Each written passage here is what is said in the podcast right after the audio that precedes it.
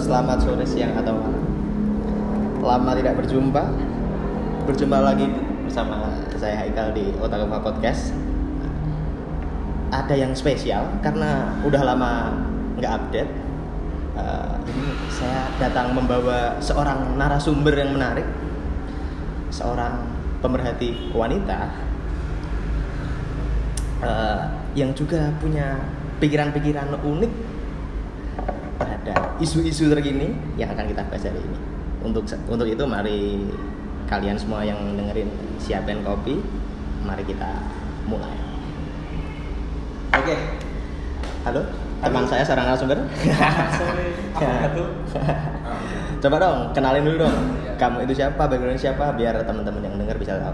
Saya adalah mulatus orang tergambar di sebuah pulau. Cukup itu saja. Cukup itu saja ya. Karena karena dia ya nggak penting juga sih kita tahu siapa dia kan yang penting nanti kita bisa mengkorek-korek apa isi pikirannya dia. Sesat, pikiran saya sesat. Oke. Eh, hari ini eh, karena banyak isu-isu eh, yang cukup menarik, Kita bahas apa ini? kita hari kita bahas feminisme. Oh, boleh, boleh. Kenapa kita bahas feminisme? hot itu. Lagi hot, lagi hot. Di mana-mana orang bilang anti feminis, Iya. pro feminis. Sebenarnya itu feminisme itu apa? Nah, itu Nah, kita harus harus kita secara harfiah dulu, Nah, harfiah jelaskan. jelasin dulu.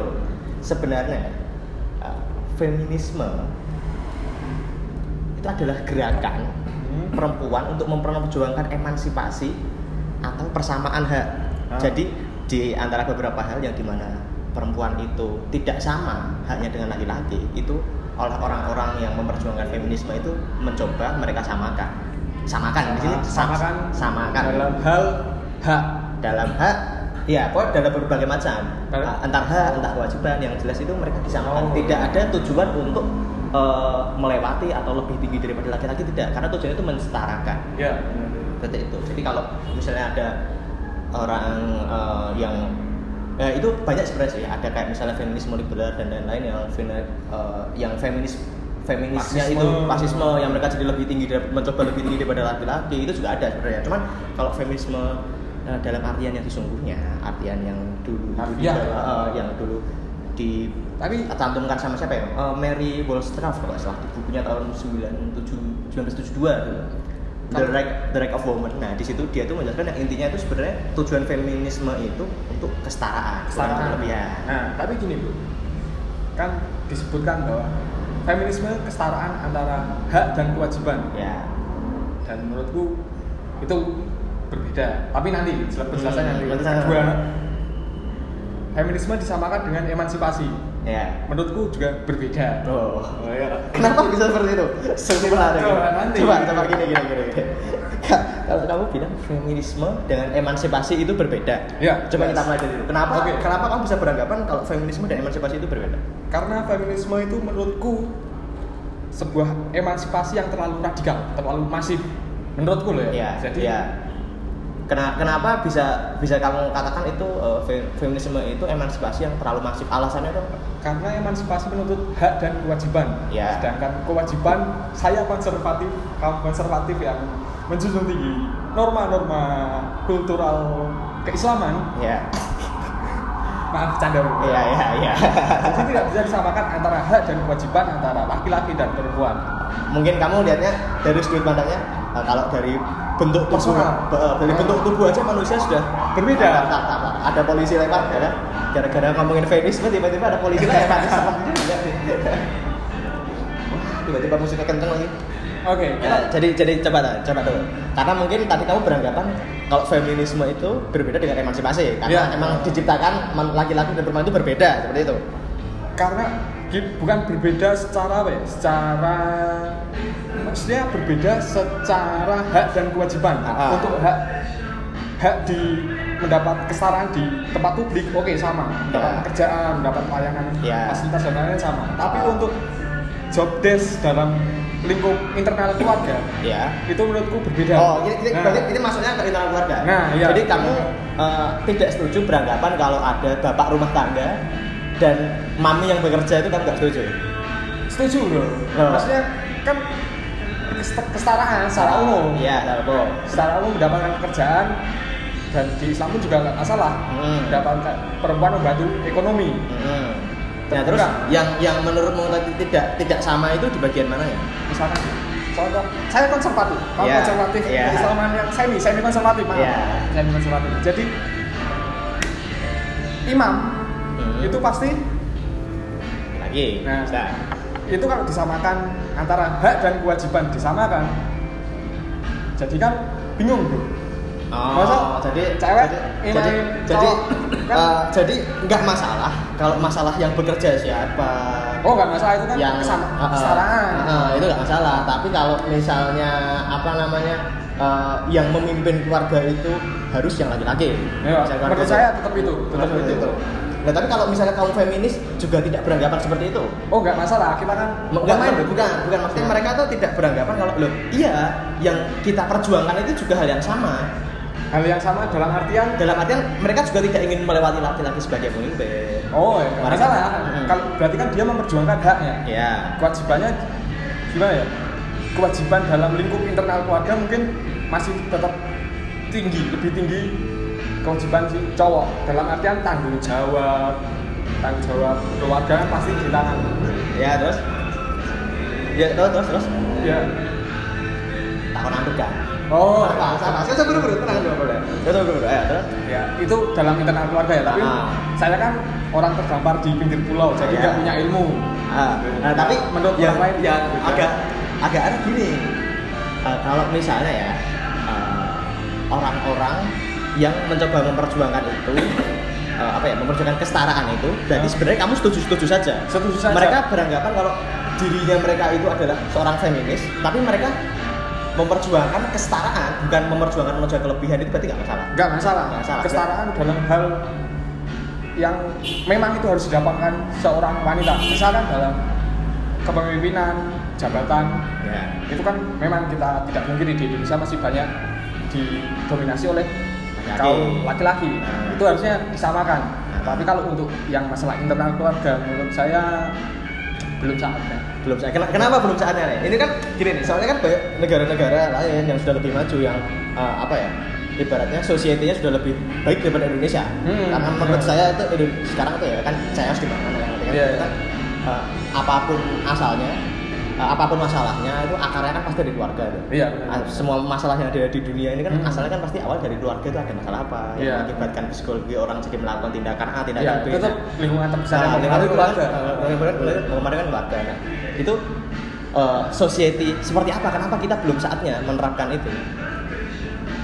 maksudnya wa- untuk saat ini ya Iya, untuk saat ini. Kenapa kamu beranggapan seperti itu? karena ya peran seorang laki-laki emang harus lebih tinggi dari wanita Mm-mm. dalam hal tanggung jawab Ya. misalkan kita berkeluarga mungkin kalau dunia barat tidak ada istilah kekeluargaan mungkin. Tidak ada merit mungkin ya. Ya, yang Nah, sebagai kan tidak ada tapi kalau di, di Indonesia masih ada dunia merit menurut saya ya untuk seorang laki-laki harus lebih di atas wanita. Bukan ini sih konsep konsep meritnya bukan itu sih. Apa ya? Eh, orang di mana menikah untuk sekali seumur hidup gitu Iya. Nah, makanya itu kalau misalnya orang merit kayak orang-orang di luar negeri kayak misalnya Steven Gerrard punya anak lima baru nikah itu konsep seperti itu tidak berlaku karena Iya. dia memang tidak apa ya kita menginginkan sebuah rumah tangga Nah, tidak mengurus rumah tangga yang langsung sekali seumur hidup dari muda. Nah. Dia benar-benar menikahi seseorang yang ibaratnya sudah dia yakini eh, akan bertahan sama dia seumur Nah, hidup seperti itu kan. dan mungkin kalau luar kan jarang ada pernikahan ya Hmm, ya. Maaf saya belum pernah keluar negeri ya karena saya terdampar di sebuah pulau. tapi kalau mungkin di luar negeri tidak menikah tapi punya anak, otomatis kan keduanya harus sama-sama kuat. Nah mungkin Ya. itu yang dituntut feminisme harus sama dengan Oh. Cowok. Mungkin itu. Mungkin seperti Tapi itu. nggak masalah, gitu. Nggak masalah.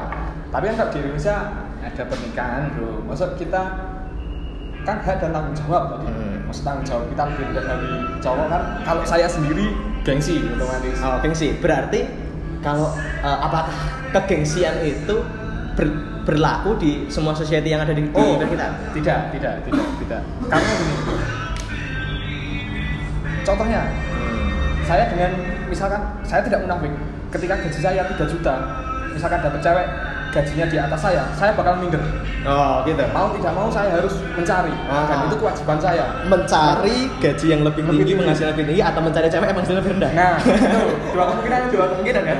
karena ya jodoh nggak ada yang tahu ya Iya. tapi kalau saya sendiri gengsi itu Oh, gengsi ya, gengsi gengsi dalam artian saya lebih kuat dari wanita dalam artian mencari uang Karena kamu merasa eh, laki-laki itu pundaknya harus bisa buat bersandar. Betul. Kalau dari segi finansial aja kamu tidak bisa membuat dia bersandar, Nah. kamu merasa eh, tidak pantas. Tidak pantas. Jadi Make lebih kan? make sense. itu logika dasar. Logika dasar. Logika dasar sana. itu dalam Nah, kan hak dan kewajiban kita harus Hmm. menafkahi seorang istri dan anak ya. masuk secara finansial kita lebih rendah dari istri tapi, tapi kalau istri mau menerima ya nggak masalah tapi kan ada beban pasti. Loh, kalau itu saya. jadi sebenarnya itu masalahnya di cewek-cewek yang tidak mau menerima hmm, uh, ke- ketidakmenerimaannya mereka yang mengakibatkan apa ya emansipasi tadi ti- tidak tidak hadir sendiri di keluarga atau emang kamunya yang secara psikologi tidak mau? Saya saya sendiri bukan dari pihak wanita ini. Bukan dari mana pihak wanita mungkin ada sudut pandang lain. Nah, kalau misalnya misalnya nih misalnya nih ada cewek. Hmm. kaya banget lah Hmm. misalkan siapa nih biar biar listener bisa membayangkan Hmm. siapa ya ibarat cewek yang kaya banget cakep hmm, oh misalnya misalnya nih Hmm. Putri Tanjung oh ya misalnya Putri Tanjung mau sama kamu hmm. terus kamu dengan penghasilan ya ya tidak setinggi ya, tidak setinggi UMR. dia nah, UMR lah UMR Zimbabwe ya oh UMR Karawang lah yang tinggi Ya, UMR Karawang UMR Karawang tinggi loh sebenarnya. Paling tinggi ya tapi dibandingkan dengan seorang anak pengusaha. Nggak ada apa-apanya. Nah, kalau dia misalnya mau sama kamu, apakah kamu masih mau? Atau kamu dia nggak masalah, nggak masalah masalah penghasilan, nggak masalah masalah apa? Kamu akan take it or leave it. berarti. kalau itu pertanyaan berat bro Nah, kalau saya matre cari aman terima soalnya dia mau Ah. dengan kan tadi pertanyaannya adalah Iya. kalau dia mau ha-ha, mau dan menerima kamu apa adanya, apakah akan kamu ambil? mau tapi pasti beban Hmm. nah, kalau ada opsi cewek lain dengan apa ya penghasilan sama. Hmm. mungkin saya lebih memilih yang dengan penghasilan setara dengan saya. Karena milenial bro. Uang segalanya bro. Uang segalanya. kalau kita ditindas dengan uang aduh berat. Jadi salah satu eh, yang mengakibatkan apa namanya eh, feminisme atau emansipasi itu tidak bisa hadir di Indonesia itu salah satu sebabnya adalah karena ya memang eh, society kita masih berasumsi apa ya masih punya pola pikir yang tidak bisa menerima itu benar dong menurut saya ya menurut saya loh. Ah, ah. menurut saya itu ya oleh karena itu emang eh, emansipasi itu belum bisa ada belum bisa terlaksana dengan baik di Indonesia itu bukan karena ada satu pihak yang menentang bukan karena apa ya bukan karena emang laki-lakinya pada nggak mau bukan tapi karena emang benar. sebenarnya eh, kondisi psikologi kita kondisi Belum mampu. eh, kondisi kondisi ya kondisi society kita lah belum belum mampu untuk melakukan itu karena banyak kaum konservatif di Indonesia yang di dalam ajarannya memang membedakan antara hak dan kewajiban wanita, hak dan kewajiban seorang pria. Nah, menurut saya itu halangan terbesar. Termasuk saya, saya masih konservatif, semi konservatif, konservatif 50, liberal 50. Jadi, untuk konservatif yang saya ambil yang enak-enaknya aja. Oh, iya. bentar, bentar, bentar. Ini coba kita selewengin dikit ya. Hmm. Karena kan dari tadi kita ngomongin konservatif, liberal. Karena pendengar Otakufa Podcast ini saya nggak yakin semuanya pinter dan ngerti apa itu konservatif dan liberal. Boleh dong dijelasin dikit, dikit aja. Simpelnya aja. Konservatif itu orang yang memegang kultural-kultural lama. Saya ulang ya, konservatif itu adalah orang secara umum konservatif adalah orang yang memegang mem- nilai-nilai kebudayaan lama, Hmm, contoh. baik secara apa kultur budaya misalkan Jawa atau agama itu termasuk kaum konservatif. Jadi kita memegang nilai agama karena agama udah dari dulu Hmm. diturunkan dari kita itu Ya. memegang nilai-nilai kebudayaan dari lama sampai sekarang. Nah, tapi kalau berpegang itu terus, bro, Ya. saya belum mampu untuk nilai konservatif diterapkan 100% di dunia yang milenial ini. Ah. Saya belum mampu. Oh. Itu terlalu berat. Jadi berat. kenapa saya katakan konservatif 50, liberal 50? Ya. Karena hari enak, bro. Jadi misalkan saya percaya konsep surga dan neraka ada. Ya. Jadi ya kalau masuk neraka ya dalam-dalam banget lah. Oh, gitu. Nanti kalau surga ya, ya paling nggak di surga walaupun se secubu-cubunya di surga. gitu. Nah. Gitu. Nah itu, jadi buat teman-teman pendengar tadi yang masih pernah ini orang ini ngomong konservatif, atau maksudnya itu maksudnya itu. Jadi eh, memang salah satu sistem konservatif yang ada di Indonesia ya salah satu banyak ya, banyak sistem konservatif yang ada di Indonesia itu masih membeda memang membeda-bedakan dan itu jadi eh, pasak ya, jadi jadi tolak ukur jadi standar eh, apa ya standar eh, orang-orang Indonesia dalam bersosiati Nah, betul. Dan Nah. mungkin menurut saya nilai konservatif yang saya anut mungkin lebih baik daripada konservatif lama seperti menganggap kebudayaan Romawi. Romawi kan Hmm. perempuan dijadikan budak, benar. dimiliki sepenuhnya oleh orang tua. Ah, ah, benar. Maksud saya nggak seperti itu konservatif yang saya maksud. Eh, tapi ibaratnya konservatifnya ya yang lebih santuy lah ya. Bisa ya Ya, eh, emang emang emang kita bedakan kewajibannya beda haknya Ya, beda. Beda. ya kalau misalnya tadi kamu bilang tadi mungkin dalam Islam ya apa namanya ya eh, apa namanya kalau misalnya dapat warisan juga jumlahnya beda dan lain-lain. Ya. seperti itu mungkin masih dibedakan. Tapi tidak sampai yang konservatif yang sampai zaman Roma. Cewek Enggak, itu nggak boleh sampai. cewek itu nggak boleh kuliah gitu enggak ya? Enggak. Maksudnya kalau itu hak segala umat untuk mendapatkan pendidikan itu wajib. Pendidikan nomor satu. Berarti eh, kalau misalkan ya, kita mengandai-andai lagi nih, kita bicara masalah feminis dan emansipasi, dan tadi kita menjaras ke eh, beberapa hal yang menjadi dasar sebuah argumen percakapan kita. Hmm.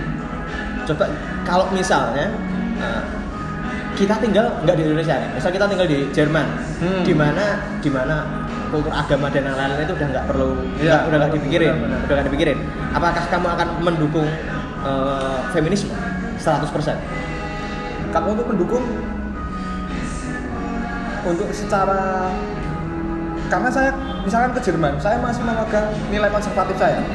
Oh, enggak, bukan. Misalnya Oh. kamu terlahir sebagai orang Jerman maksudnya. Oh, misalkan. Ah. Nah, mungkin kamu kamu, cerita. kamu kamu tanpa tanpa tanpa nilai konservatif yang kamu konservatif. punya sekarang. Mungkin itu berbeda cerita. Mungkin saya akan namanya kita lahir. Kita lahir di Indonesia pasti memegang budaya Indonesia dan Ah. di sekeliling Indonesia. Ketika lahir Betul. kita di dunia Eropa, mungkin saya akan mendukung 100% tidak menafik Bu. karena besar di sana, percaya keyakinan sana, hidup di kultural sana, ya mau tidak mau konsep emansipasi menurut saya perjuangan 100% kalau saya tinggal di dunia barat. Nah, berarti gini dong, apa namanya? Yang menjadi permasalahannya oh, orang-orang gembar-gembar feminisme bla bla bla bla bla bla itu bukan masalah menurut anda ya bukan bukan masalah kita mendukung atau tidak mendukung tapi sebenarnya feminismenya itu emang tidak bisa di-apply 100% di Indonesia Iya, karena kita masih banyak nilai konservatif yang masih berpegang teguh. begitu Ya, menurut saya seperti itu. Misalkan di Aceh, ya bahkan naik ojek harus cewek sama cewek, Ya. cowok sama cowok itu kan kalau kita paksakan juga nggak bisa, karena itu akan merusak budaya sana. Budaya sana juga seperti itu. Kultural yang dilihat apa ya, nilai-nilai kultur yang dilegitimasi untuk menjadi sebuah hukum. Jadi ya nggak masalah orang sana menerima. Ja- Jadi kita datang ke sana ya kita harus menghargai nilai-nilai sana. Di mana bumi dipijak, di situ kita wujud. Nih, oke, sekarang kan sudah mulai agak seru perbincangan ya. Tapi ada, saya akan menanyakan beberapa pertanyaan kepada anda. Gini nih, kan dari tadi kan dari percakapan kita, eh, mungkin pendengar udah pada dengar ya, kalau so- eh, kamu tidak setuju feminisme 100%. Tidak setuju untuk hal-hal yang fundamental Ah, ah. internal. Ya, tidak setuju terhadap fundamental internal. Ya.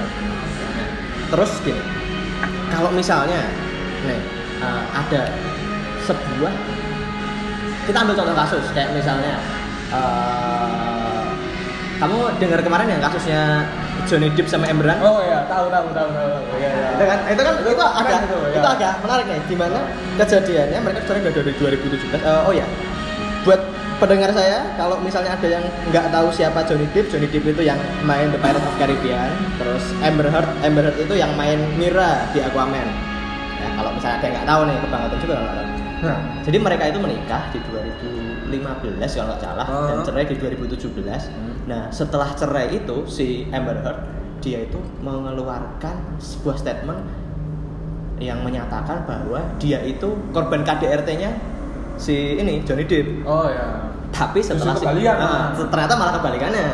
Ternyata si Ya. Johnny Depp-nya yang jadi korban kekerasan si Cewek. Amber, si cewek, si Amber Heard. Nah, hal-hal seperti itu apakah menurut kamu tuh hal kayak gini tuh bisa terjadi? Karena biasanya kan kekerasan dalam rumah tangga itu yang melakukan laki-laki ya. Ya, kayak kemarin barusan betul. ada barusan ada kasus yang belum lama ini yang kita dengar eh, yang nginjek nginjek apa namanya yang nginjek nginjek bayi gara-gara istrinya nggak mau diajak ML Oh ya. Nah, pernah dengar? Nah, Pernah. itu kan itu kan sebuah goblokan juga. Ya. Di mana itu pasti eh, membangkitkan orang-orang untuk mengkampanyekan Feminisme. feminisme. Ya. Karena ini karena cewek dia tuh posisinya selalu di bawah laki-laki. Iya. Oleh karena itu makanya dia bisa sampai ajar gedean kayak gini. Dia tuh menganggap wanita itu sebagai sebuah benda. Makanya dia bisa dengan tega-teganya melakukan seperti itu. Tapi kan kalau kasus kalau hal seperti tadi kan menjunjung tinggi apa ya? Eh, menjunjung tinggi apa ya? Memantik semangat feminisme orang-orang. Tapi kalau kasusnya kayak yang Amber Heard sama Johnny Depp itu kan kebalikannya kan? Iya. Nah, menurut kamu kenapa bisa terjadi kasus seperti itu? Kan dia kan terjadi juga di dunia barat. Iya. Di mana Amber Heard sama orang mana sih saya nggak tahu ya. Cuma saya kan mereka kan orang orang Eropa. Orang Eropa atau Amerika. Gayaan seperti sana. Nah, seperti sana. barat Nah, berat. apakah hal seperti itu terjadi karena hal-hal yang fundamental menurutmu tadi sudah Iya. terpengaruh oleh feminisme? Menurutku enggak sih. Enggak. Kenapa? Dalam artian kita tidak bisa meng, apa ya, menggeneralisir satu kasus untuk semuanya, ya, untuk Ah, keseluruhannya. betul, iya, betul. Pertama itu. Yang kedua, dalam case Johnny Depp sama Amber Heard. Amber Heard, ya emang secara keluarga mungkin ada cowok cewek yang namanya tomboy. Iya. Nah, tomboy itu kan tidak mau diintimidasi lah. Clear, clear, menurut saya tidak mau diintimidasi Ah. oleh seorang pria. Ya. Mungkin karakter si Amber Heard Amber Heard, nah. orang yang seperti itu tidak mau diintimidasi oleh seorang cowok. Iya. Nah, cowoknya juga salah menurutku. Kenapa? Dia tidak menghargai hak-hak seorang wanita. Jadi mungkin di situ ada bentrok antara Johnny Depp dan Amber Heard. Amber Heard. Nah, mungkin itu masalah utama kekerasan dalam rumah tangga yang terjadi di kasus Johnny Depp sama Amber Heard. Nah, tapi dia itu ini Nah. soalnya sebelumnya udah pernah kena kasus kriminal si Amber Heard. Amber. Amber kasus kekerasan apa juga lupa. Nah, yang jelas kan itu kan menunjukkan bahwa kalau ada orang yang berasumsi bahwa eh, apa ya kita tuh harus menegakkan feminisme karena laki-laki itu penindas gini-gini ya itu Nah. nggak selalu dong berarti kan Jadi nggak kita bisa selalu. ambil sampel nggak selalu Iya, benar. berarti kalau hal itu ada itu menurut kamu apakah itu fix karena apa ya bukan fix ya maksudnya eh, memang terjadi karena eh, pandangan orang sana yang sangat feminis Ya. Nah, sehingga hal itu mungkin terjadi Nah. atau emang sebenarnya ya ya mau kita feminis atau enggak sebenarnya perempuan juga punya kemungkinan yang sama, untuk melakukan hal kesalahan Ya, seperti itu. Betul, itu betul. Tidak ada yang memungkiri, Bro. Tidak ada yang mungkir ya. Berarti Nah. kan berarti kan kalau misalnya nih ada orang eh, beranggapan kalau feminis itu mengakibatkan A, anti feminisme Feminisme mengakibatkan B, B. itu sebenarnya kan tergantung eh, pandangan orang-orang orang itu sendiri. Iya, ya, betul. Tidak ada hubungannya dengan feminis atau tidak ya. feminis. Nah, menurutku gini. Menyuarakan feminis feminis untuk sebentar, sebentar, biar relax ya. Oke. Sebat dulu, sebat, Sebat dulu, dulu ya? sebat dulu, sebat dulu. sebat dulu, sebat dulu. Ini ngomong sebat di podcast nggak harus disensor kan?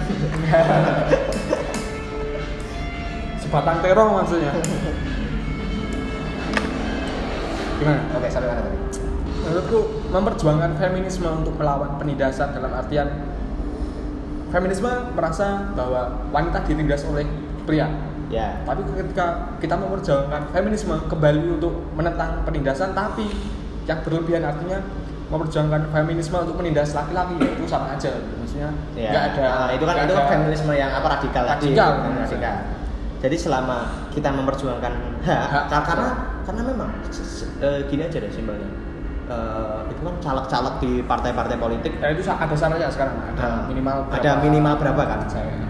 menunjukkan keharusan ada minimalnya berapa itu kan Ya. sebenarnya malah uh, tidak emansipasi kalau menurut emansipasi, ya. ya, karena kalau emang emang apa ya emang emansipasi harusnya nggak usah disuruh Ya. apa namanya uh, nggak usah disuruh minimalnya ada berapa mereka langsung pasti langsung Ada ada, aja, aja sebenarnya ya. nggak usah ada minimalnya jadi emang wanita ada di sana itu karena mereka memang mampu untuk memimpin sebuah negara mereka merasa bisa menjadi caleg Nah. makanya mereka ada di sana kalau dipakai batas minimal harus ada berapa persen Benar. itu malah menunjukkan bahwa ada ketidakseimbangan. Nah, tidak keseimbangan Benar. Berarti yang- jadi seolah-olah mereka ada di sana itu cuman buat memenuhi kuota doang bukan Nah. karena mereka punya kemampuan nah, Benar, benar. kan itu sebenarnya tindakan yang dianggap eh, yang tujuannya untuk me- apa ya eh, memperjuangkan emansipasi tapi sebenarnya malah tindakan yang tidak emansipasi Ah, benar. Iya kan? Memang ada kasus lain, Bu. Hmm. Ini ini sebuah pertanyaan, bukan pernyataan ya. Oh. kenapa ada poluan sama polisi untuk membicarakan sebuah gender sedangkan Nah. kepanjangan poluan adalah polisi, Polisi wanita. Seolah-olah polisi itu gak boleh wanita. Nah. Itu seksis banget. Menurut saya itu salah ya nggak tahu ya mungkin Hmm. ada perbedaan job desk antara polisi sama polisi wanita kan ya nggak tahu terus muncul lagi yang baru rame saya memantau sebuah Instagram muncul isu female gitar female female gitaris Oh. Nah, menunjukkan bahwa memang Emang gitarnya cuma boleh cowok. Ya. nah Padahal nggak tahu dia Panic at the Disco basisnya Nah. cowok ya kan. kotak bro tak Kotak, antri. keren Nah, itu kenapa? Itu itu di mana? Aku malah baru dengar. itu ramai seperti ramai kemarin saya melihat pertanyaan. Itu yang yang jadi kasus di mana? Ya muncul bahwa di status yang sosial yang me- apa ya? Yang menunjukkan, yang mengeluarkan statement kalimat itu tuh. Oh, saya nggak tahu. Cuman saya lihat kenapa ada harus ada female gitaris itu nggak tahu. Cuman Hmm. cari aja. Saya cuma lihat di sosial media ya. Hmm, Jadi, buat bukan buat buat teman-teman ya kalau ini berhubung ternyata saya juga baru dengar kalau ada muncul istilah baru di sosial media Female female gitar Ya. dan narasumber saya juga sepertinya barusan dengar. saya cuman lihat di sebuah postingan di sosial media dan saya lupa tapi itu ada. Tapi itu bukan kan bukan bukan orang yang followernya cuma 500 gitu Enggak, enggak. Dia sebuah artis gitaris. Atau gitaris ya, gitaris ya. Buat teman-teman Baim. Baim siapa anjir? Baim, Baim gitaris cari aja. Gimana nih buat teman-teman pendengar Otokova Podcast ya?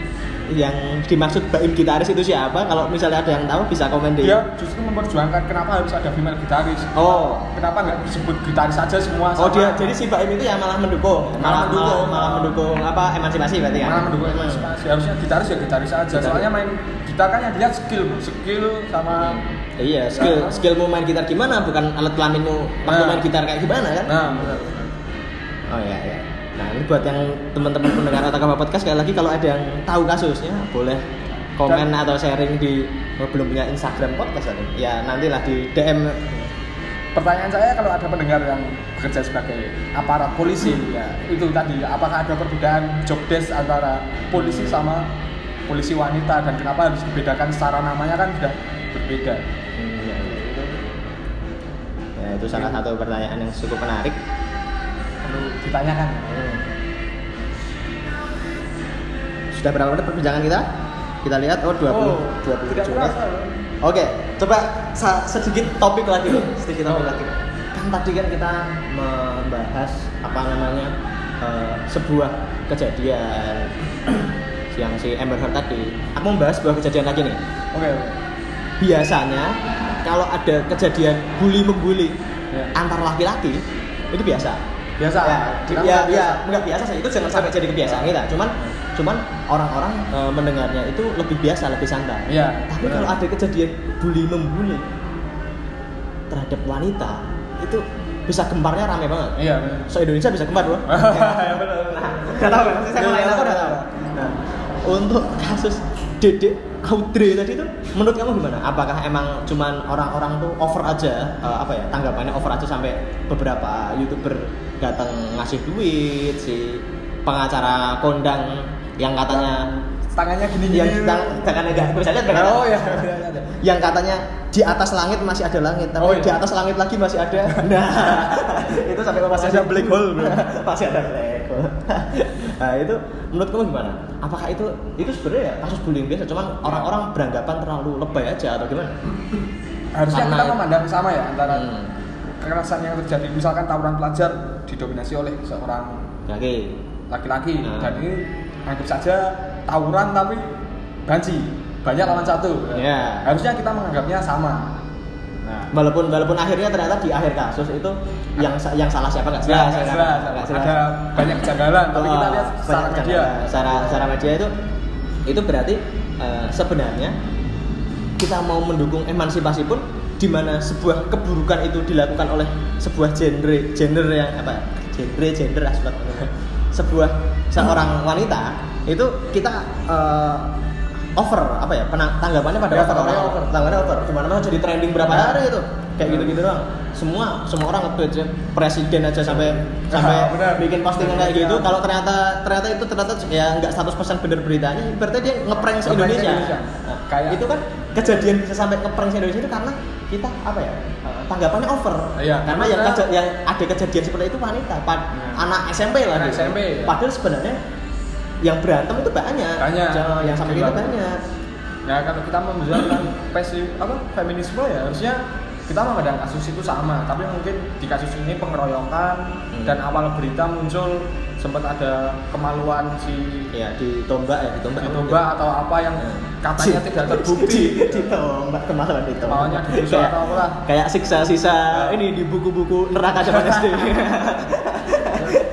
Kemaluannya apa? Nah itu kan itu kan menunjukkan bahwa kita sendiri itu masih over seolah-olah apa ya Kasus nah, wanita Oh, lebih oh, kita lebih rame ya, lebih lebih bukan bukan bukan berempati ya. Eh, bukannya kita tidak empati sama dia, cuman Cuman- seolah-olah lebih dijual gitu loh sama media. Ya. Kalau anda pejuang feminisme harusnya menyamaratakan Eh.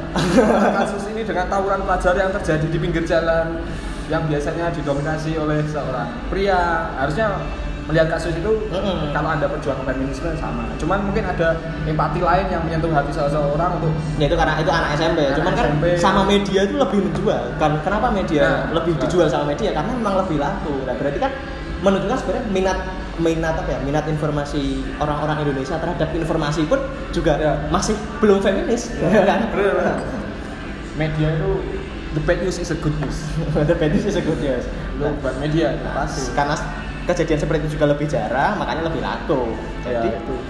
Jadi menurut anda hal seperti itu juga menunjukkan bahwa eh, apa ya bahwa Indonesia itu memang belum siap terhadap feminis. feminis menurut saya emang belum siap karena ya itu modernisasinya Barat pasti Barat kiblat kita untuk modernisasinya biasanya negara-negara ketiga negara-negara berkembang itu pasti mengikuti dan pasti ada pro kontra menurut saya itu karena nilai-nilai nilai-nilai budayanya lebih mengakar contohnya aja ya nilai-nilai budaya film-film horor YouTube horor pasti ratingnya Oh iya, tinggi gitu. tinggi. Padahal itu ngikutinnya siapa juga kan.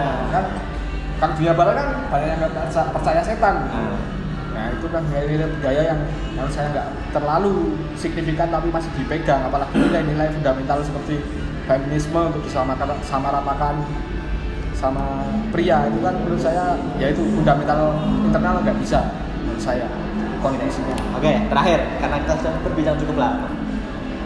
Mau dong eh, kasih apa ya saran, saran dari kamu seorang pemerhati wanita Hmm. kepada teman-teman yang memperjuangkan emansipasi, Ya. tapi jangan sampai ya pesan lah untuk teman-teman kita yang memperjuangkan emansipasi. Saya juga memperjuangkan emansipasi. Saya Ya. merasa emansipasi memang perlu tetap diperjuangkan. kita memperjuangkan Hmm. ibu kita kartini itu tetap Nah, itu tetap. Nah, coba deh kamu eh, kasih saran eh, ibaratnya nih, ya ibaratnya ke adik-adik, adik-adik Ya. kita, adik-adik ibu kita yang cewek-cewek itu dalam mereka apa yang harus mereka lakukan biar mereka itu bisa mendapatkan emansipasi ya. Saran itu apa? Eh, menurut saya gini pertama ya perjuangkan feminisme tapi bukan untuk menindas balik seorang laki-laki itu nggak akan ada akhirnya maksudnya sekarang feminisme merasa ditindas laki-laki ketika dia memperjuangkan feminisme untuk menindas balik laki-laki itu nggak akan ada akhirnya Jadi tujuannya, Ya, niatnya. niatnya niatnya dulu harus lurus Nah. Mem- memperjuangkan kesetaraan hak-hak dan kewajiban. dan kewajiban mungkin kedua ya kewajiban, kewajiban kelihatannya yang harus kita lakukan tapi kalau hal kan apa yang kita dapat. Apa yang kita ya orang-orang kan juga pasti lebih tertarik untuk memperjuangkan apa yang mereka dapat. ya itu kan kalau kewajiban lebih berat untuk pejuang feminisme ya terus teruslah berjuang dengan cara-cara yang konservatif bagaimana mungkin Yang smooth lah caranya. yang cara-cara yang semut tapi tidak memicu perdebatan halayak ramai. Kita sudah cukup bosan di media untuk berdebat membicarakan ya. udah debat gara-gara oh sebentar lagi debat gara-gara pilpres selesai jadi Nah. aman Oh, ini upnya kapan nih? Jangan-jangan upnya udah pilpres oh ya btw kita ini syuting sehari sebelum pilpres ya. Jadi kita belum tahu hasil pilpres seperti apa. Gimana? Calon kalian menang atau enggak? Kalian dapat berapa itu masih ada. itu nanti itu nanti. Iya. itu nanti kita bahas di topik-topik selanjutnya masalah politik dan yang lain-lain. Karena hari ini kita pengen bahas feminisme dulu. Oke terima kasih. Terima Eh, kasih. buat narasumber udah mau mampir ke Otak siap. Podcast semoga nanti bisa mampir lagi. Buat kalian eh, kalau mau request topik yang akan kita bahas boleh DM aja di Instagram saya @haikalis karena belum punya Instagram podcast. Ntar kalau view-nya udah banyak baru aku bikin Instagram podcast sendiri. Disclaimer, disclaimer. Saya bukanlah orang yang untuk diikuti. Oh iya, apa pun ya. yang ada di sini kalau itu ada buruknya tolong jangan Jangan. diambil. Nah. Tapi kalau ada Baiknya dan sepemahaman dengan Anda, silakan. diambil gitu. Oke, Dan sama. sangat menerima kritik. Oh, kita sangat menerima kritik. Tapi karena dia nggak mau ngasih tahu identitasnya dia, mau kritik dia lewat mana kan kampret kritiknya ke saya semua nanti. Lewat Haikalis. Haikalis di Instagram. Itu ada di di, di bio podcast ada itu. Oh, iya. Ada. Oke, sampai di sini aja. Sampai ketemu di episode selanjutnya. Cheers. Cheers, Bro. Cheers.